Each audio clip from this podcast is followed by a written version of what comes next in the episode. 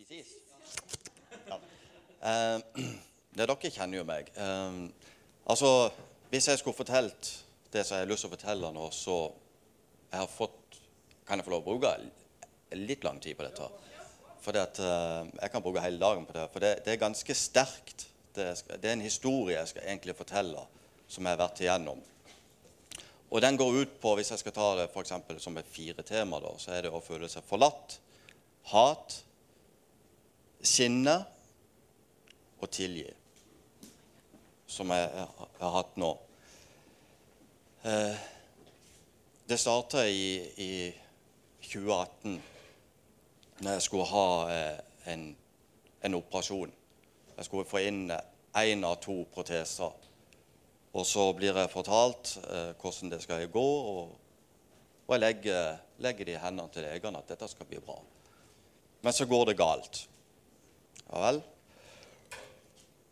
Og så, eh, etter det har gått galt, så blir jeg sendt til Eiken i rullestol og, og tenker ikke så mye mer over. Jeg tenker ikke så mye på det egentlig sånn. Får besøk av svigerforeldre, foreldre, Malene, Martin og Karina. Og så kommer jeg hjem, og så begynner det ting å skje fordi at jeg var sykemeldt. Så får jeg beskjed at jeg får ikke lov å kjøre buss lenger, for det er så strenge krav. Ja vel. Det er da tingene begynte å skje i livet den ene etter den andre ting begynte å, å kollapse. Og i min familie der jeg er oppvokst, så er vi alltid Jeg har alltid vært oppvokst med det at uh, vi skal ikke snakke om ting. Vi bare tar det inn her og holder det der og holder det for oss sjøl. Vi, vi, har aldri snakket om ting som har plaget oss eller noe. Vi bare holdt det for oss sjøl. Jeg har aldri gått til mamma eller pappa hvis det har vært noe som plager meg. Jeg er ikke oppvokst med det. Så jeg har alltid hatt det for meg sjøl. Og så når ting begynte å falle i grus etter operasjonen, så fikk jeg så vanvittig hat overfor Gud. Jesus for alle.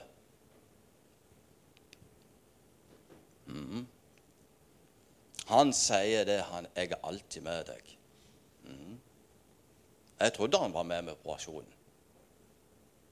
Men så kommer løgneren. Han er ikke så god som dere sier han er. Nei, han er ikke så god som dere. Dere ber jo til han nå. Han skal alltid være med. Så ligger jeg og tror på dette herrene. Og mer og mer hat. Og mer og mer sinne får jeg overfor legen og alle. Og så de nærmeste som jeg Karina er gift med ungene. Jeg tør ikke å la sinnet gå utover andre i kirka eller på byen. Hiver det over på det jeg bor sammen med. For det at uh, legen han tok vekk det jeg kunne ja, Jeg kunne ikke gjøre ting med ungene mine eller noe sånt. Springe fotball, hoppe på trampoline. Jeg måtte stå på sidelinja og se på. Og så bare Ja. Mer og mer hat får jeg for, for Gud. Og sinne. Tåler lite og ble alltid satt til side. Og så når jeg kommer på møte herrene eller i husgrupper, så spør alle ja, hvordan har du det. Jeg er helt topp. Kommer med smil, ikke sant. Nå har du sånn ei maske på. Og det tror jeg faktisk mange har. De kommer inn her og de sier ja, er det helt topp. Men egentlig så har du det faktisk ikke så greit. Men det handler om å kunne være frimodig og bare si det at nei, vet du hva, livet er drit. Det er skikkelig drit. Så sitter vi på husgruppa og så spør Kristoffer han kommer til meg, hvordan har du det? Og da hadde jeg så lenge på det og sagt nå er det nok. Nå må jeg få det ut. Og sier vet du nei, livet er, det suger. Det er bare drit. Så la jeg ut absolutt alt. Og så går jeg hjem, og så får jeg telefonen dagen etterpå. Så ringer Rasmus. Du, er du interessert i å se deg ned og snakke om ting? Jeg tenkte ja, ja, det er litt vanskelig, for jeg, Jeg har sånn to-to-rotasjon på jobb. Ja, ja, men det, det, der fins telefon, og fins videochat og alt det. Så sier jeg det, det er greit. Vi kan, vi kan, prøve det. Jeg var villig til å for jeg fikk i grunnen beskjed fra min frue om å gå til psykolog. Og lovte jeg skulle gå til psykolog. Men jeg tenkte, hva kan en psykolog hjelpe meg med? Hvis jeg skal ha en psykolog, så må det være en som tror på Gud og Jesus sjøl. Hvis jeg skal gjennom dette. Og det tror jeg ikke det er i Flekkefjord. Så tenkte jeg ja, ja, så bruker vi Rasmus. Og det har vært en fantastisk reise. Det har vært tårer, det har vært glede. Det har vært en reise vi har holdt på nå i tre måneder. Og jeg har blitt prøvd på så mange måter av Rasmus. Altså, så sitter jeg på rommet i Ålesund, så sier han det. For vi gikk igjennom frihet, eh, frihet til Kristus. Det var et fantastisk kurs. men jeg jeg sa det i grunnen ikke igjen med så veldig mye når vi hadde det kurset alle sammen. Men når meg og han har hatt en toner, tomannshånd, sitter jeg igjen med veldig mye og forstår det. Og så sier han til meg i Så kommer vi til det der med å, å be om, om tilgivelse. At jeg skal tilgi legen som har forårsaka alt det vonde. Og det, det var tøft. Jeg har aldri grenet så mye på et rom. Jeg vet ikke hva de andre tenkte de jobba sammen med, men det, det, er greit. Og så skulle jeg tilgi den legen. Og så skulle jeg òg fortelle alt det vonde. Gud vet jo alt det vonde jeg har sagt, men Rasmus ville høre alt det vonde jeg har sagt til Gud, og sa nei, jeg kan ikke si det. Du er jo ungdomspastor. Nei, deg, det går ikke an. Ja, kom igjen, kjør på. Og det var de styggeste ting som mennesker egentlig kan si jeg er ikke stolt av det. Men han sier, Rasmus sa at Gud tåler det, men du må bare få det ut. Og mens vi holdt på med de kursene, så kjente jeg at eh, det gjorde litt godt å ha noen å snakke med. Og så fortsatte vi både på jobb og hjemme, hadde det her oppe. Og så eh, var det her i forrige uke. Så sier jeg til Rasmus det at eh, jeg føler meg i grunnen klar til å ha den relasjonen med Gud igjen som jeg hadde før jeg ble operert. Ok? For da følte jeg at jeg hadde fått sagt alt jeg ville si. Så sier han ja, hvordan jeg ønsker å ha det. Så sier jeg nei, jeg kan ta det på husgruppa. Jeg kan ta det med, med deg, Rasmus og Kristoffer. Og jeg ønsker bare å gå ned på kne og så bare be om tilgivelse for alt det vonde. Og, ja, og vil ha en relasjon med han. For jeg hadde det, i den prosessen jeg var gjennom, så hadde jeg Jeg klarte ikke å lese Bibelen. Jeg klarte ikke å slå på noen lovsang eller noen ting. Det var, det, han betydde ingenting, for han hadde forlatt meg, følte jeg. Han var, han var ikke der for meg. Men etter jeg ble På mandagen, når jeg sa jeg er klar, så går jeg hjem og så lager jeg middag mens jeg venter på Karina og ungene. Og så har jeg dekka på, og så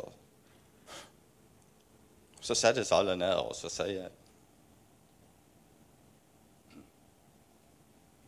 Så sier jeg til Karina og ungene at det er noe om å tilstå. Jeg, jeg har alltid holdt for meg sjøl. Jeg har aldri vært åpen bok for noen. For jeg alltid skal holde for meg sjøl. Så sier jeg til Karina og ungene at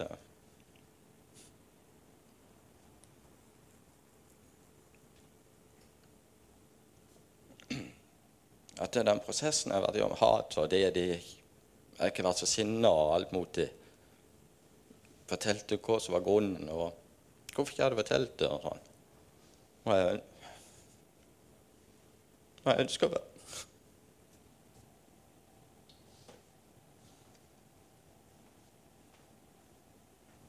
Det er ingenting annet i livet enn jeg ønsker å være den Prøve å være så god pappa jeg kan for ungene og mannen for griner. Men det, det er vanskelig.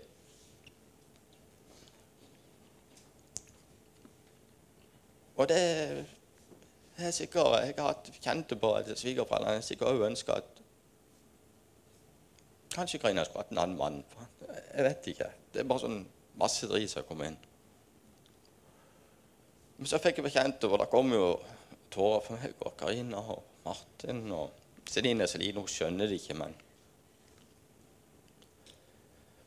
Og så sitter vi her, det er fine måltider, og det var kjempefint. og og så fikk jeg, jeg fått en sang fra Kristoffer som Det er så deilig å bare sitte og så høre på den. Og den heter um, I Belong to Jesus.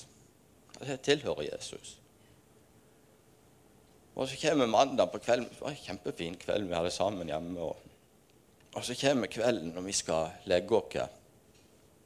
Nå må dere være klare for dette er det villeste jeg noen gang har vært med igjennom. Så går vi og legger oss på kvelden, og så klokka to på natta så vårvåkner jeg. Da kjente jeg at jeg lå i senga og bare dro i armen hele tida mot meg.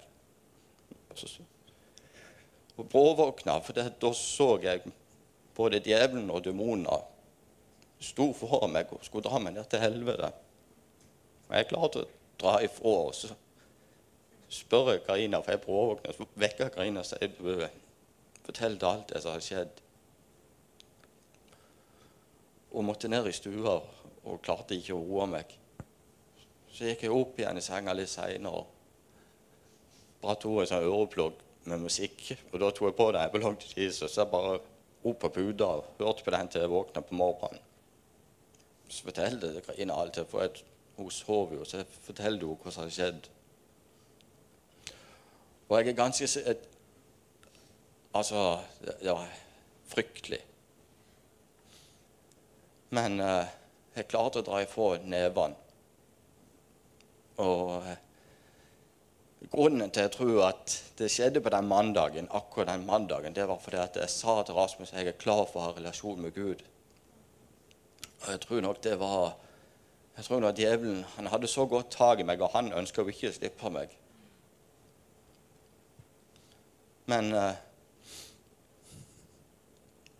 etter jeg har gått igjennom Rasmus og blitt bedt for, og, så jeg, jeg føler meg helt fri. Og jeg har klart å tilgi legen, og for hver gang jeg får smerte i beinet, så har jeg det så Rasmus sier, bare si det kort til jeg tilgir deg. Jesus. Så tilgir jeg deg legen hele veien. Men eh, jeg er i en prosess ennå, og jeg er mye bedre nå enn jeg var etter jeg eh, kunne fordele dette med noen i, i menigheten.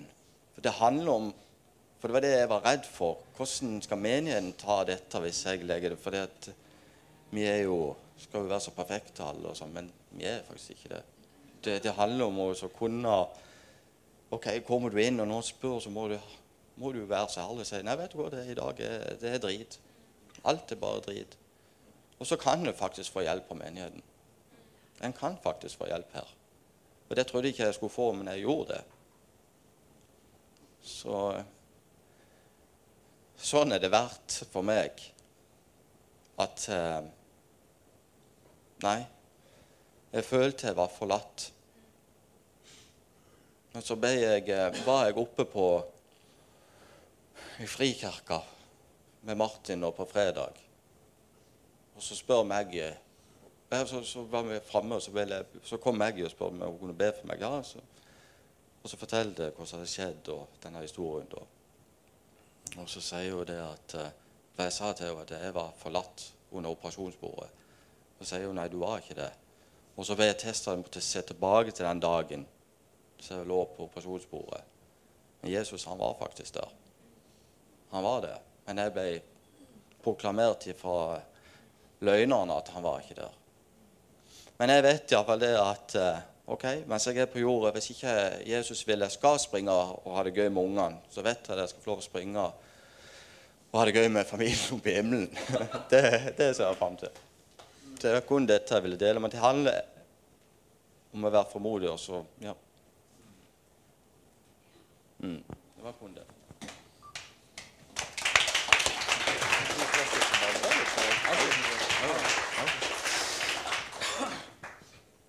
Jeg syns det er forbilledlig, Nils, at du deler det.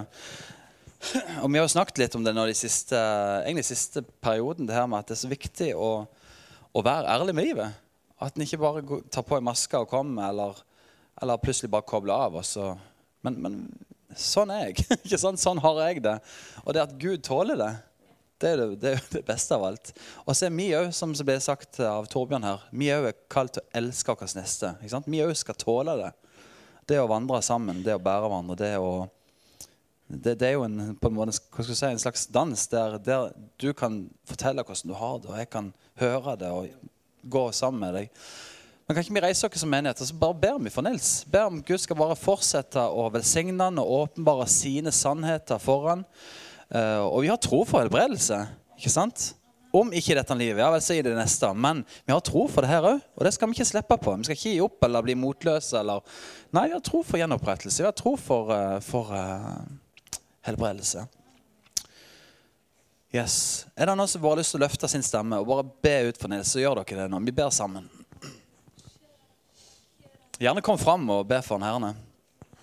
Jesus. Herre, vi bare takker deg for Nils. Takk for at han er åpen og ærlig, sårbar. Og virkelig et forbilde for meg og for alle her inne i Jesus. Takk for at du har gjort eh, et verk i hans liv, Herre. Eh, wow, For for et vitnesbyrd, Jesus, om hvem, hvem, du er, Jesus, om hva du har gjort her, Jesus. Og for et vitnesbyrd om sannheten, Jesus. Takk for at Nils er bevart. Han tilhører deg, Jesus. Han er ditt barn, Gud. Og takk for du har aldri forlatt henne. Det kommer du aldri til å gjøre heller, Jesus. Og så bare ber deg, Herre, for, uh, for hans familie. Martin, Malene, Celine, Karina, Jesus. Eh, og resterende familier, Herre Jesus, men spesielt Nils sin kjernefamilie nå, Gud. Bare ber deg, far, om at du fortsetter med å bare åpne opp ting som er, ser låst ut, som ser vanskelig ut, Herre Jesus. Takk for du holder de hånda over de, Herre Jesus. Takk for at, at din nåde og kjærlighet skal bare gå fra slekt til slekt, Herre Jesus. Takk for at Nils har brutt noe her i forhold til fortida si, Jesus. Takk for han har brutt, han har tatt et veiskille, Jesus, der han har begynt å vandre sammen med deg, Herre. Og vi bare takker Gud for at du vandrer sammen med han. Takk for at du velsigner han. Takk for at han skal ikke mangle noen ting, Herre Jesus. Gleden i deg, Herre, det skal være hans styrke, Herre. Gleden i deg skal være hans uh, energi, Herre. Hans glede, Herre. Takk for at du, uh, du forsørger han. Og så ber vi konkret for hans hofte, Jesus, hans kropp, Herre Jesus. Takk, Herre, for vi kan frimodig på proklamere ut seier, legedom, gjenopprettelse, Herre Jesus. Ber om det som er galt, det som er vondt, det som er ødelagt, nerver som ikke fungerer, Gud. Ber om at du skal gjenopprette, Herre Jesus. Vi snakker liv inn i kroppen til Nils Olav, Herre Jesus. Vi drar ned himmelens realitet inn i hans kropp, Herre Jesus. I Jesu Kristi navn, Herre. Ved dine sår så har Nils fått legedom. Takk for det løftet, far. Takk for at du har all makt i himmel og på jord, og ingenting er mulig for deg. Og du har sagt at vi skal legge hendene på de syke, og de skal bli friske. Amen.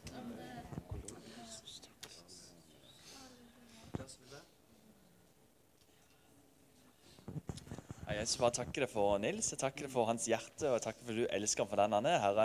Jeg takker deg for uh, at du har åpenbart din godhet til ham, og jeg takker for at det var nye ting som kommer nå, Herre. Jeg takker for din godhet. Skal bare strømme gjennom hans liv, og jeg takker deg for hoftene, jeg takker deg for resten av kroppen, at all smerte skal forsvinne, og jeg takker for at du skal være med han videre nå, Herre. Jeg takker deg for uh, at du bare bygger opp en, eh, en søyle, søyle av, av Ja, at du i han, Herre. At du bygger opp en tro i han som er sterk som bare en stein. altså Uslåelig og kan aldri bli slått ned igjen, Herre. Jeg takker for din godhet og kjærlighet, og jeg ber om at du skal bare røre i hans hjerte og i hans familie, Herre. Jeg takker for gode dager, jeg takker for at han kan hoppe på trampoliner og være med og springe, og jeg takker for at han kan spille fotball, Jesus. Det, det er meninga i livet hans, Herre. Jeg takker for at du skal gjenopprette alt, Herre. Jesu navn. Mm.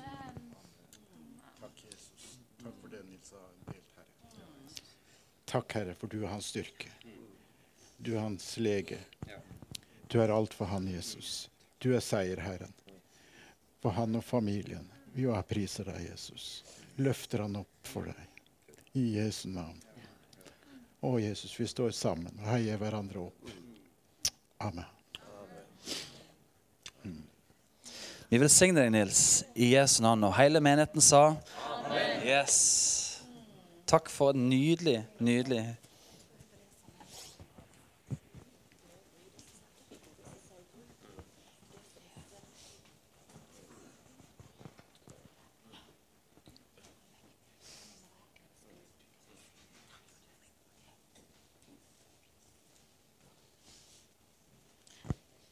Det ligger masse servietter der, for jeg ser alle bare Kan ikke vi altså, til Arild òg. Nå skal han komme opp her og dele. Ja, jo da. Skal det være, skal det være.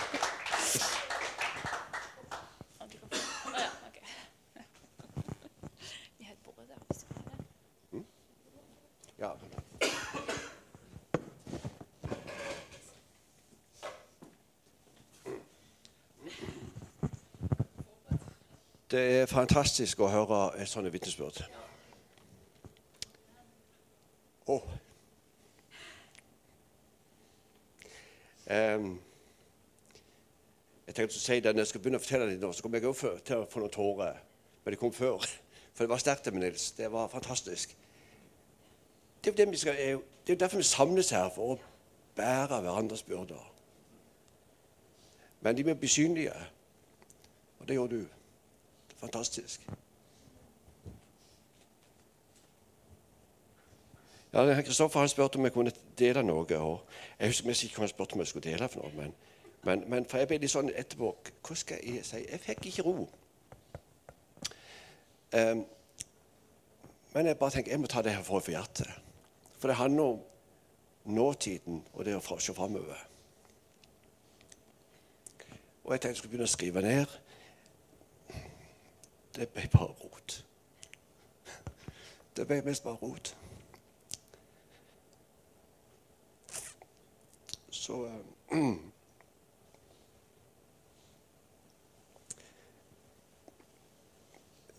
Det vil si i dag, det handler litt om englevakten og PK.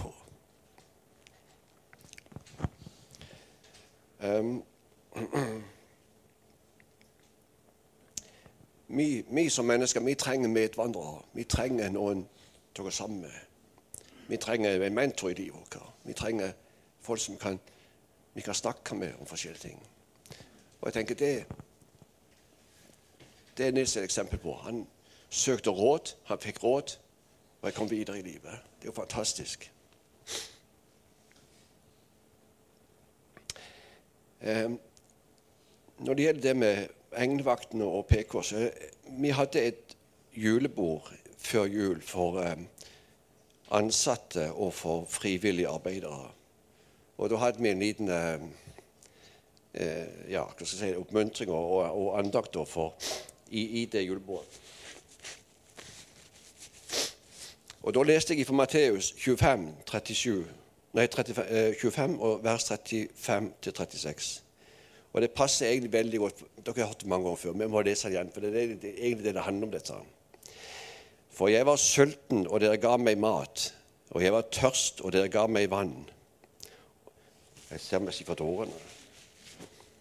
Eh, vann. Jeg var en fremmed, og dere åpnet hjemmet deres for meg. Jeg var naken, og dere ga meg klær. Og jeg var syk, og dere tok, tok hånd om meg. Og jeg var i fengsel, og dere besøkte meg. Så tenker jeg, hva er det vi holder på med, egentlig?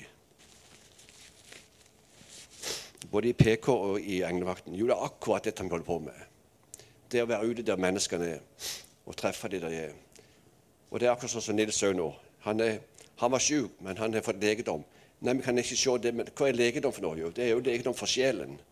For bitterheten den er roten til alt ondt, og, og, og det er legedom. Og når du får legedom for det, så blir du satt i frihet. Og da kan du kjenne det Gud har for ditt hjerte. For du har et kall over ditt liv, som alle oss andre her. Det er jo fantastisk. Eh, så er det sånn at eh, Sånn som PK og Engler, at vi har fått et fotfeste i byen pga. var synlige i bybildet. Og, og det er, jeg må si jeg er veldig takknemlig for det. Og det, det er rett og slett ikke noe menneske, det er gudgitt, det som skjer. Um, og det er ikke noe som bare kommer over en rask periode. Det er noe som bygges opp steg for steg. Um, det vi ser i dag Mange ser en kafé som er mye folk på, og det er fantastisk og det er flott. Og det er som det vi holder på med. Men det er veldig få som vet hva egentlig vi holder på med bak kafeen. For det er ikke synlig, og vi snakker ikke søkt om det. Men der er mange samtaler. Der er mange utfordringer med ekteskapet. Der er det folk som sliter med forskjellige ting. Folk som sliter med økonomi og alt mulig. Altså Det er så mange ting i, i bak kafeen. Men kafeen er en portåpner for dette. For vi treffer mennesker her. Og jeg tenker at eh, Bare ta Nils eksempel. Hadde ikke PK vært den var i dag, så hadde du vært i fangenskap ennå. Men så velger du å ta hånda ut og, og, og, få hjelp, og så blir du fri. Og så sitter vi her inne og tenker det er bare Nils. Nei, det er ikke bare Nils. Vi kan stå i kø hele gjengen bak her. For vi har alle et eller annet som vi sliter med.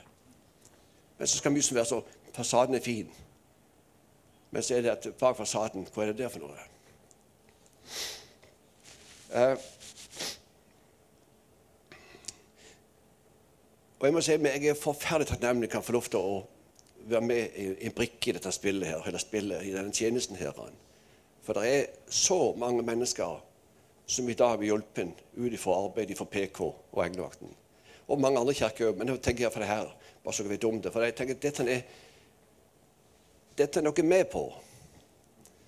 Og det er så fantastisk, for det er så mange mennesker som i dag får utrolig god hjelp av det som skjer her.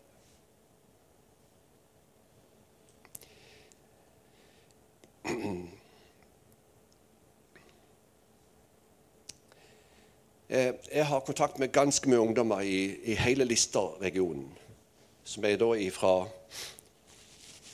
ja, ifra tenåringene opp til 25 år gamle. Og eh, av alle ungdommer jeg treffer, så er det så er jeg veldig nysgjerrig på hvorfor de er der de er i dag som ungdommer og sliter. Og når Vi levd noen år og hatt en del kontakt med folk. og eller ungdommer på tiden òg, og både ja, rundt forbi. Men iallfall det, det jeg sitter igjen med, det er det at åh, det er så synd å se på hvordan det går med ungdommer. For de har en farløs ånd inni seg. Det vil si, de har altså bare ta en far, De har ikke en farsfigur, mange av de. Ja, de har en pappa, men de har ikke en far som er til stede, som gjør det at grunnvollen i deres liv svikter. Det er så viktig å ha en far. Ja, selvfølgelig viktig å ha mor òg, forstå meg rett. Men en far som er til stede, det er så viktig. Og det, når det svikter, når de er små og oppover, så kan det bli utfordringer i livet. Og så tenker mange sider å, kjære Gud, hvordan skal de hjelpe deg? Men i den situasjonen jeg er i der, så er det vanskelig å, å gjøre noe med det. For det er offentlige apparater. Men så, vi, så ser vi i, i by at uh, har visst, Jeg husker før vi flyttet fra Søyland, så visste jeg det var en, ja, to smågjenger i Flekkefjord som var på vei opp. Og når vi flytta til byen, så ble vi mye mer synlige, for da er vi rundt i bybil og ser det. Det er jo sånn, ja, det er jo sånn tenåringer. Nå kommer det mer og mer fram i dag. Vi har egentlig visst det kommer, nå kommer det mer og mer fram at det er problemer. Og Jeg sier ikke det er noe galt med foreldre, men det, for ungene er litt for leder. Men jeg tenker, kjære tid, dette klarer ikke kommunen. Dette klarer ikke noe statsapparat å ta seg av. Det er ikke noen som klarer å ta seg av det. Men det må være en mor og en far til stede som kan gjøre det. Det var akkurat som vi hadde egnet en jobb for ti år siden. Det viktigste på hele egnet en jobb hver bidige dag, det var frokosten sammen og spise sammen. Tenk hvis du kunne kommet dit hen at vi kom et steg videre og sagt til ungdommen Kom, vi skal samles der, vi spiser sammen, har det kjekt sammen og prater sammen. Ikke sitte og spille på alt mulig, for de sitter og prater sammen. For det ser vi de ungdommene som jeg er i med. Det å bruke tid sammen med dem og prate med dem, det er, da kommer vi inn på baksida. Spill gjør det hele døgnet egentlig med mobil og alt, men å sitte ned med dem og prate med dem, det er viktig. Og Englevakten har egentlig i alle år hatt kontakt med mennesker som har bare fotblåsen som har kontakt med mennesker som, som, som er, ja, vi, vi, vi, får en god prat sammen som gjør at vi kan få snu livene rundt og bli positive. Jeg må bare si det at det, eh, det er ikke bare ungdommer som er vanskelig. For er vi voksne og vi gamle òg kan ha det utfordrende. Og kanskje mer alvorlig enn en ungdom har det. Jeg snakket med en person, og jeg har spurt han, kan jeg få lov å dele det der jeg går, for vi treffer jo mennesker på forskjellige veier. Ja, jeg kunne få lov til det, men jeg nevner ikke navn. Og ingen vet hvem det er allikevel. Men her for tre uker siden, Sakka, så kom jeg akkurat her. Så kom det en mann inn døra der. Og jeg har sett han før. Jeg har kjent han egentlig hele livet, men bare som på nikken. Og så kom han litt mer i det siste, så kom han da, så tok han tak i meg i, i, i armen. Og så sier han, 'Arild, kan du hjelpe meg?' Ja, ja sa jeg. Hva er noe spesielt? du som får-» Og så kom det. Og dette er helt sant. Så sier han det at jeg var så langt ifra å hoppe og ta livet mitt nå. Hæ, sier jeg. Hva er du sier for noe? Gjør du det. Tenker du sånn? Ja, vet du hva. Jeg har mista alt. Absolutt alt har jeg mista. Jeg har ingenting igjen. Jeg har ikke familie. Jeg har ikke jobb. Jeg har, jeg har ingenting igjen. Vet du hva? Jeg har ikke penger igjen, sa han. Jeg har 74 kroner på kontoen. Jeg har ikke penger igjen. Er det mulig, tenkte jeg. Er det mulig? Ja, jeg fikk tårer, og han fikk tårer. Men vet du, det handler der om også, å komme dit hen at du rett og slett går ned og ydmyker til å si at 'jeg har et problem', for da kan du få hjelp. Det som skjedde etterpå eh, Det ble mye, mye arbeid rundt det. Vi var på et offentlig kontor faktisk her i byen, der vedkommende sier til personen på andre siden bordet at eh, 'jeg var så langt ifra å hoppe', men jeg tenkte jeg går inn på engevakten og prøver om noen kan hjelpe meg vekk. Og da tenker jeg at eh,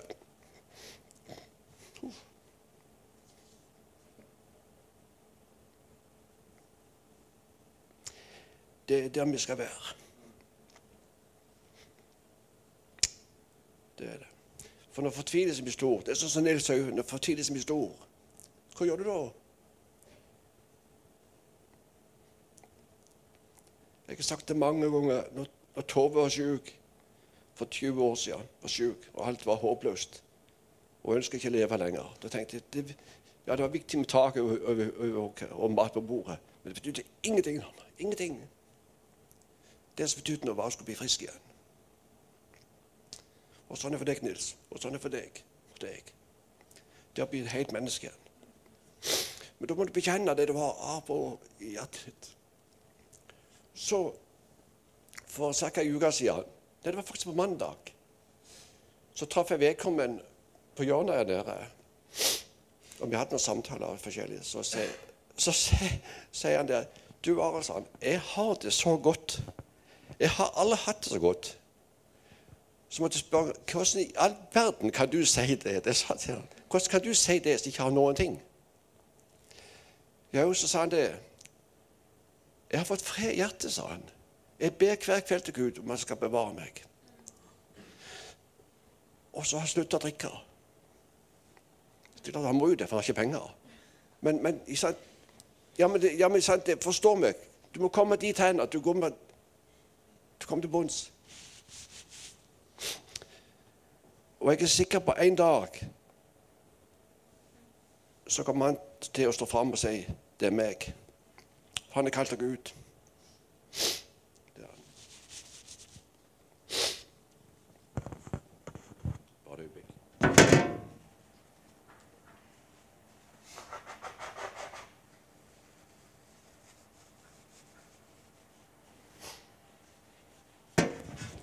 Det med å være med og velsigne andre mennesker, det betyr enormt mye.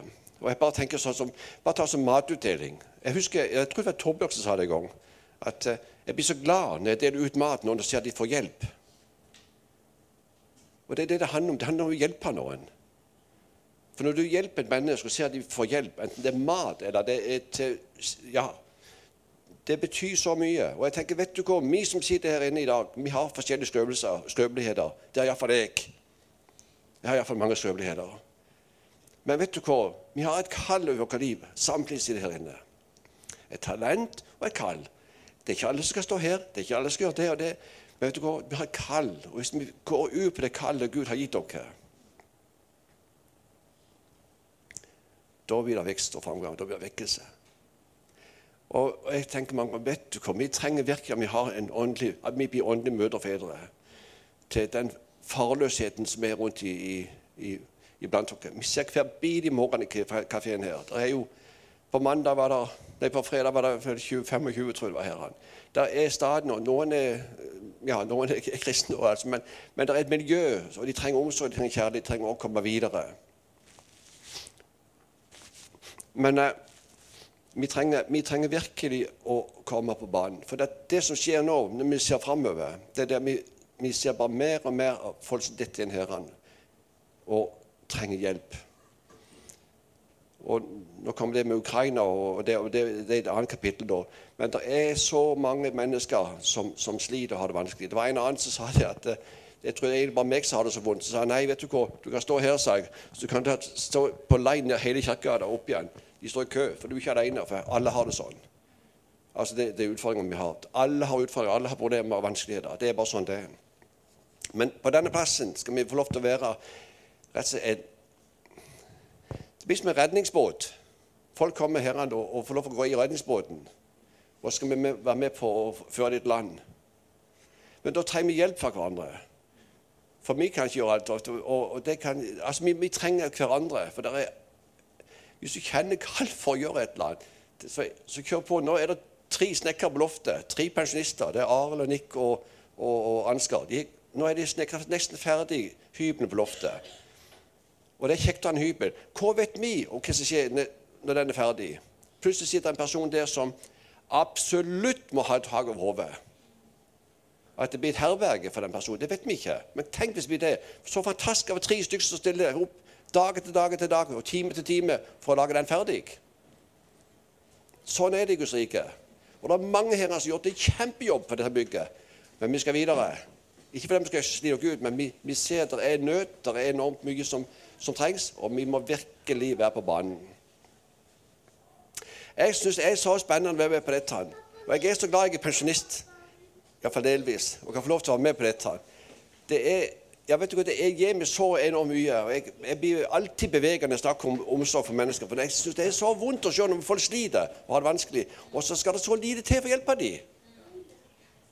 Det skal så lite til. Det er kanskje bare en samtale. Det er kanskje bare å ta kaffe sammen. altså. Det er bare så enkle ting.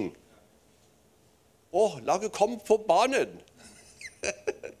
Men det må skje for hjertet. Og det er som jeg, jeg var på bedehus på fredag så snakket med en etterpå. Han, han delte så fint og sa at det er vel og bra å si ja, jeg vil følge Jesus, men det er forskjell på det å bøye kne innenfor Gud. Altså ydmyke seg der og si ja, jeg vil, jeg vil følge Jesus. For dette, Vi gjør det litt enkelt kanskje i dag, men jeg husker i hvert fall da vi vokste opp, så var det å knele ned. Det å ydmyke seg. Ikke for den skal men du, du, gjør det, du ydmyker deg og, og sier 'Gud, jeg trenger deg'. Vi er nok litt uh, annerledes i dag, da. Men jeg hadde håpet Jeg kjenner iallfall jeg trenger det. Um, vi synger også sang, sånn, en sang som heter Jeg må bare finne den nå. Der var det. Det er en sang som vi sang i gamle dager som heter 'Jesus, Herre, jeg, send meg'. Den synger vi frimodig. Eller som vi synger nå for tida 'Jeg vil gi deg alt'. Det synger vi. Men kan vi med vidt si vi gjør det? Jeg gjør det ikke. Det kan bare si. Jeg gjør det ikke. Men kan vi gjøre det? Jeg vil gi deg alt. Husker Tove sa det i sin tid hun fikk kalle det for Gud og sa vil du gi meg 100% Nei, sa Tove. 50. Og så ble det 70, og så ble det 80. Så til slutt sa hun jeg gir alt, og så ga hun alt. Og det tok hun helt av. så det er herlig, det. Nei, men det er viktig at vi setter retning for vårt liv. men nå skal jeg slutte. At vi setter retning for vårt liv, og at vi kjenner hva Gud har på vårt talent og vår nådegave. For vi har alle et eller annet. Men jeg har tro på det ikke foran dere. Jeg har virkelig tro på det. For det kommer mye. Det kommer mye. Og vi skal være ei redningsflåte. Vi skal være en, eller en ark i byen. Og vi er satt midt i hjertet av byen. Og det er Gud gitt denne plassen. Det er ikke menneskelig verk, det er Guds verk. Og det skal være ære til Han for alt det som skjer her. Og det skal bli fantastisk. Er vi med på det? Hoho! Amen.